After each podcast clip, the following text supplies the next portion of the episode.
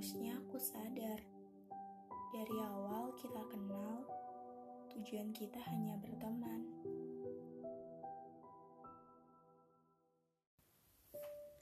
Halo, ketemu lagi dengan aku Welnat di podcast Cerita Kita. Udah lama ya kita gak ketemu via suara. Bagaimana kabarmu? Bagaimana kabar hatimu? Udah bisa mengikhlaskan? Iya, mengikhlaskan seseorang yang bahkan gak pernah kamu miliki. Pernah gak sih kalian merasa nyaman dengan seseorang?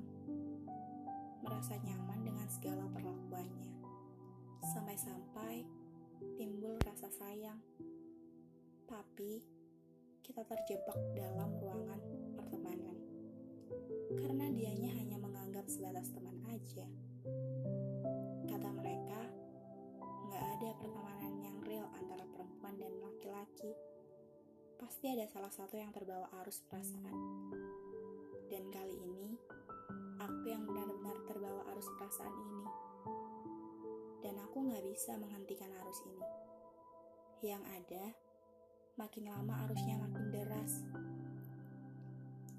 Harusnya aku sadar kalau perlakuan baik kamu ke aku hanya sebagai sebatas teman, gak lebih. Maaf, mungkin dengan perasaan yang ada ini bisa aja membuat rusak pertemanan kita. Tapi tunggu, ini sebenarnya salah siapa? Aku yang terlalu berharap, atau emang kamu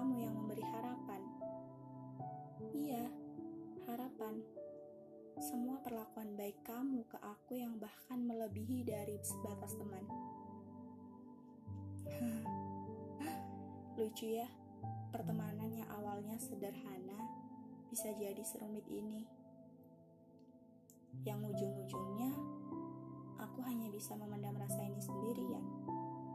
Berusaha terlihat baik-baik aja, nyatanya gak pernah benar-benar baik-baik aja.